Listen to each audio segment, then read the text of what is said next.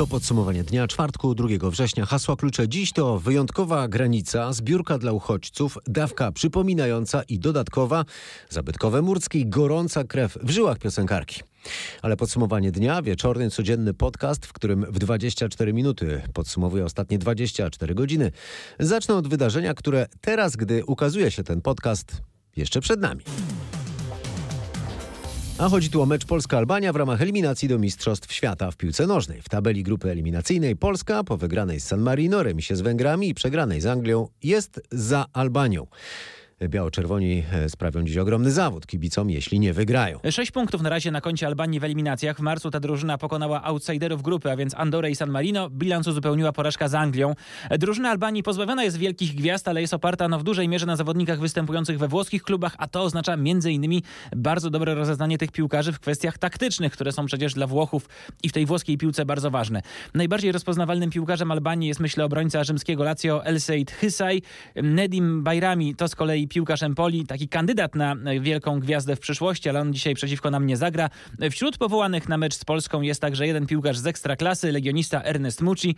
Trenerem Albanii jest za to Eduardo Reja, Włoch, bardzo doświadczony już 75-letni szkoleniowiec. Natomiast polski skład jest odchudzony, zwraca uwagę Patryk Serwański z naszej redakcji sportowej. No z tych piłkarzy nieobecnych Paulo Sousa mógłby stworzyć sobie bardzo dobrą linię pomocy. Piotr Zieliński kontuzjowany, Mateusz Klich z koronawirusem nie może w ogóle opuścić Anglii, nie przyjechał w ogóle na zgrupowanie po tym, jak miał pozytywny wynik testu. Sebastian Szymański również nieobecny. Tego piłkarza zabrakło na euro, ale biorąc pod uwagę obe obecne problemy, no myślę, że mógłby tutaj znaleźć się nawet w wyjściowym składzie. Zatem trzech pomocników. Od dawna kontuzjowany jest także defensywny pomocnik Krystian Bielik. Brakuje też dwójki napastników na tym zgrupowaniu. Krzysztof Piątek i Arkadiusz Milik leczą się od dłuższego czasu i na razie nie grają w swoich klubach. Zatem rzeczywiście sporo problemów a dziś wieczorem przed szansą objęcia prowadzenia w tabeli naszej polskiej grupy stają Węgrzy, ale musieliby wygrać z Anglikami u siebie, bo mają do nich dwa punkty straty. Zaś po trzecim dzisiejszym meczu co najmniej jedna z reprezentacji Andory i San Marino zdobędzie pierwsze punkty. Do tej pory te kraje były wyłącznie dostarczycielami punktów, chociaż Andora może się pochwalić jedną strzeloną bramką przy ośmiu straconych, a stosunek bramek San Marino to 0 do 10. Prezydent podpisał rozporządzenie w sprawie wprowadzenia stanu wyjątkowego przy granicy z Białorusią. Informację przekazał e, rzecznik prezydenta Błażej Spychalski. Dzisiaj dosłownie przed chwilą prezydent e, podjął decyzję o wydaniu rozporządzenia o wprowadzenie stanu wyjątkowego na terenie wskazanym we wniosku przez Radę Ministrów. To jest mniej więcej 3-kilometrowy pas województwa lubelskiego i województwa podlaskiego. To jest granica Polski e, z, z Białorusią. To rozporządzenie aktualnie jest przesyłane do e, publikacji w Dzienniku Ustaw. Jest oczywiście także przesyłane e, do pani marszałek Sejmu, bo zgodnie z konstytucją e, ten wniosek, to rozporządzenie prezydenta musi być poddane, mm, musi być poddane głosowaniu i dyskusji w polskim parlamencie. Według ministra spraw wewnętrznych i administracji Mariusza Kamińskiego uszczelnienie w ten sposób granicy z Białorusią jest potrzebne, by pokrzyżować plany Aleksandra Łukaszenki, a także e, zapobiec ewentualnym rosyjskim prowokacjom podczas manewrów Zapad 2021. Ten kryzys spowodowany jest czynnikami czysto politycznymi. Na Białorusi nie ma wojny domowej, która uzasadniałaby i w okolicach Białorusi, która uzasadniałaby to, żeby ludzie z różnych części świata szukali pomocy. Jest inaczej. E, reżim Łukaszenki w odwecie za postawę naszych władz, za postawę władz litewskich, łotewskich, ale również za działania Unii Europejskiej, w odwecie chce wrócić do sytuacji z roku 2015. On i my również. My jako obywatele, my jako politycy mamy w pamięci y, rok 2015, mamy w pamięci setki tysięcy nieszczęsnych ludzi, którzy z całego świata y, zaczęli szturmować Unię Europejską. Łukaszenko chce to powtórzyć. Proszę Państwa, w żadnym wypadku problem, o którym mówimy, nie dotyczy 30 osób przebywających po drugiej stronie granicy e, na wysokości miejscowość Usnaż Górny. To jest czubek czubka góry lodowej, który chciałby nam zafundować Łukaszenko. E, drugi powód, dla którego wprowadzamy stan wyjątkowy w tej strefie, to ćwiczenia wojskowe, wielkie manewry wojskowe, jakie odbywają się za naszą wschodnią granicą. Aktywna część tych ćwiczeń rozpocznie się 10 września. W tych ćwiczeniach, jednych z największych od wielu, wielu lat prowadzonych przez armię rosyjską, będzie brało udział około 200 tysięcy żołnierzy. ważnym elementem manewrów, jakie armia rosyjska będzie odbywała w tych dniach za naszą wschodnią granicą, są manewry, które będą odbywały się bezpośrednio na Białorusi i chcę to bardzo mocno podkreślić, bezpośrednio przy naszej granicy. E, Znamy scenariusze tych manewrów. Wiemy, że znacząca część tych ćwiczeń będzie odbywała się w okolicach Brześcia i Grodna. W okolicach Brześcia to jest 3 km od polskiej granicy. Wiemy również, że będą ćwiczone scenariusze z udziałem wojsk specjalnych białoruskich i rosyjskich dotyczące, wedle tych scenariuszy, przenikania grup dywersyjnych z terenu Polski na teren Białorusi. Więc musimy być gotowi na prowokację graniczną, argumentował minister. Mariusz Kamiński mówił o tym, że władze Białorusi próbują wywołać kryzys w krajach bałtyckich, y, Polsce i w położonych dalej krajach Unii w odwecie m.in. za sankcje nałożone przez Brukselę. A dziś przedstawiciel Komisji Europejskiej y, oświadczył, że rozpoczęły się prace nad y, piątym już pakietem tych sankcji. Przedstawiciele Polski, jak również Litwy i Łotwy przytaczali w unijnej stolicy argumenty, które już słyszeliśmy z ust ministra spraw wewnętrznych. Relacjonuje o tym z Brukseli Katarzyna Szymańska-Borgino. Przedstawiciel Polski mówił, że nie ma wątpliwości, że kryzys migracyjny został zaplanowany przez Białoruś i kwalifikuje się jako atak hybrydowy na całą Unię Europejską. Mówił, że osoby koczujące przy granicy stale się wymieniają i dostają wsparcie ze strony białoruskiej. Polski przedstawiciel zapewniał, że e, Polska e, sprawuje właściwą ochronę zewnętrznej granicy Unii. Nie prosił o wsparcie unijne, na przykład ze strony Frontexu, em, tylko o takie wzmocnienie mm, polityczne, wzmocnienie sygnału politycznego i apelował o sankcje. W zasadzie udało się zachować jedność, e, chociaż czasami jedni eurodeputowani bardziej akcentowali konieczność ochrony granic. E, e, Tutaj powiem, że dominował nawet ten ton. Inni mm, zwracali uwagę na aspekty humanitarne. Dla wszystkich jednak było jasne, że Łukaszenka wykorzystuje imigrantów, żeby zemścić się na Unii, żeby ją podzielić i sparaliżować. Pojawiła się inicjatywa specjalnej debaty na temat sytuacji na granicy podczas sesji plenarnej Europarlamentu i rezolucji Parlamentu Europejskiego wspierającej Polskę, Łotwę i Litwę. E, Była szefowa polskiej dyplomacji Anna Fotyga z PiS ostrzegała przed możliwymi prowokacjami podczas białorusko-rosyjskich ćwiczeń Zapad 2021. Z kolei Andrzej Halicki z Platformy Obywatelskiej apelował, żeby postawić Łukaszenkę przed Międzynarodowym Trybunałem Sprawiedliwości w Hadze. O czym e, opowiadała z Brukseli nasza korespondentka Katarzyna Szymańska-Borgino. Zmarł pięcioletni Afgańczyk, który w bardzo ciężkim stanie trafił do szpitala po zjedzeniu trujących grzybów. Dziecko mieszkało w ośrodku dla uchodźców w Podkowie Leśnej Dębaku. Niestety stało się to, czego lekarze spodziewali się od kilku dni. Pięciolatek był w bardzo ciężkim stanie już po przyjeździe do szpitala. Lekarze z Centrum Zdrowia Dziecka mówili, że jego stan jest agonalny.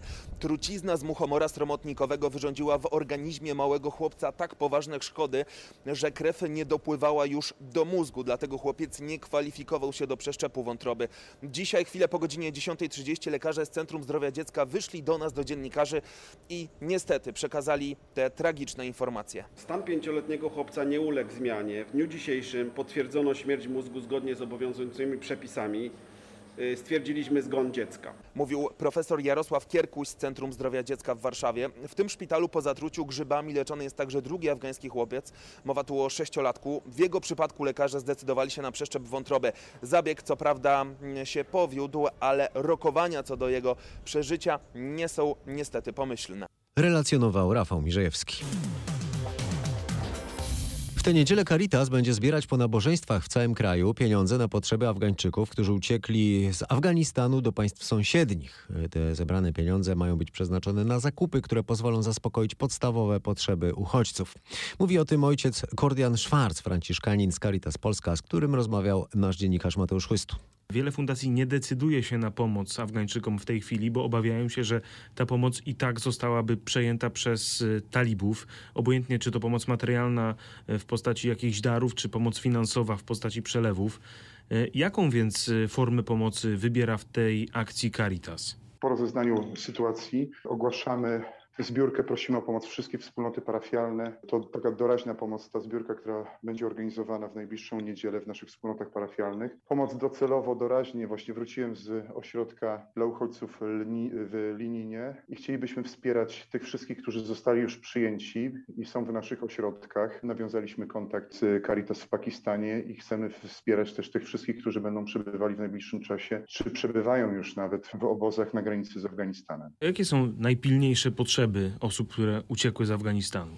Podstawą są oprócz żywności, kocy, zestawów higienicznych, tabletki do odkażenia wody, toalety przenośne, pampersy dla dzieci. Drugie to jest y, spotkanie z nimi przede wszystkim. Mamy do, do czynienia z dziesiątkami tysięcy ludzi, którzy z dnia na dzień zostali pozbawieni godności, tożsamości, domu, są po prostu tułaczami w tym świecie. No i myślę, że to jest problem, z którym jako, jako kraj cywilizowany, tak zwany, w ogóle sobie nie radzimy. Wiem też o zbiórce internetowej, prawda? Caritas.pl Y, ukośnik Afganistan. Tam można wpłacać przez stronę. Jeżeli my chcemy doświadczać przemiany w naszych sercach, przemiany w naszych domach, w naszych parafiach, otwierajmy nasze domy, otwierajmy nasze serca na drugiego człowieka, nawet jeżeli jest y, y, jakiś taki niepokój, ponieważ jest to obce i to jest nieznane. Rozmawiajmy na ten temat, badajmy swoje serce, jak, jak, ogóle, jak jest nasze nastawienie do tej całej sytuacji, bo ona przerasta wszystkich na świecie. Wielka ewakuacja z Kabulu objęła 130 tysięcy ludzi. Można założyć, że około 100 tysięcy to Afgańczycy, którzy współpracowali z Zachodem. A z oceny Międzynarodowego Komitetu Ratunkowego, czyli pomagającej uchodźcom organizacji założonej w 1933 roku z inicjatywy Alberta Einsteina, wynika, e, że to 100 tysięcy to około 1 trzecia wszystkich współpracujących z Zachodem przez ostatnich 20 lat. Po przejęciu władzy przez talibów nowa władza nie wypuszcza z Afganistanu ludzi. Również kraje ościenne obawiają się fali uchodźców. Mimo apeli Narodów Zjednoczonych Uzbekistan już zamknął granice. Również władze Pakistanu ogłosiły, że nie są w stanie przyjąć więcej migrantów od sąsiada z północy.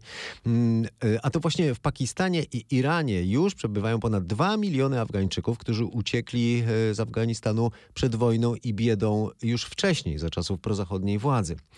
W Europie Zachodniej jest teraz około pół miliona uciekinierów y, z Afganistanu. Stany Zjednoczone mają wspierać suwerenność Ukrainy w obliczu potencjalnej rosyjskiej agresji. Takie zapewnienie złożył amerykański prezydent Joe Biden, który zaprosił do Białego Domu ukraińskiego przywódcę Wołodymyra Zełenskiego. O szczegółach e, dotyczących umów amerykańsko-ukraińskich nasz korespondent w Waszyngtonie Paweł Żuchowski. Dotyczą one kwestii wojskowych i energetycznych. Największy nacisk w dokumentach położono na kwestię bezpieczeństwa Ukrainy. Mowa o pakiecie pomocy wojskowej, rakietach przeciwpancernych. To wszystko warte jest 60 milionów dolarów. Porozumienia obejmują współpracę wojskową w zakresie zakresie cyberbezpieczeństwa, wymianę informacji wywiadowczych, wspólnych badań i rozwoju przemysłów wojskowych i sprzeciwianiu się oczywiście rosyjskiej agresji, czy też pomoc w walce e, z pandemią. Oczywiście rozmawiano także o gazociągu Nord Stream 2. Nie może on zaszkodzić Ukrainie, podkreślał Biden.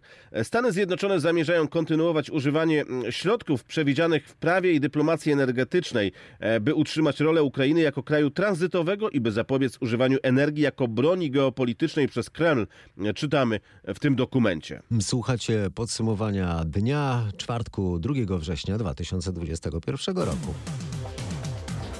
Gwałtownie rośnie liczba pociągów jadących przez Polskę z towarami z Chin dla Europy. Od początku roku Chiny opuściły już okrągłe 10 tysięcy pociągów.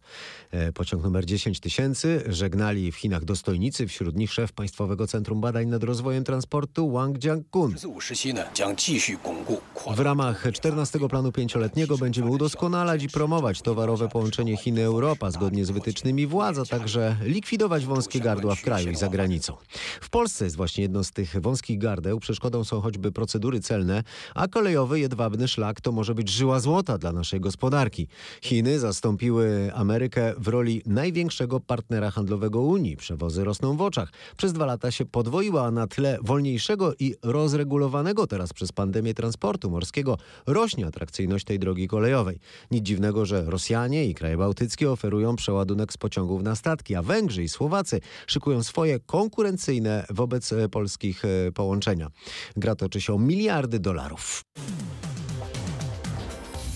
Sąd Najwyższy nie pomógł Frankowiczom, znów nie wskazał sądom niższych instancji, jak orzekać w ich procesach z bankami. Y, Frankowicze czekają od miesięcy na stanowisko Sądu Najwyższego w sprawie ich kredytów, a powodem tego paraliżu są spory formalne wokół y, składu y, w Sądzie Najwyższym.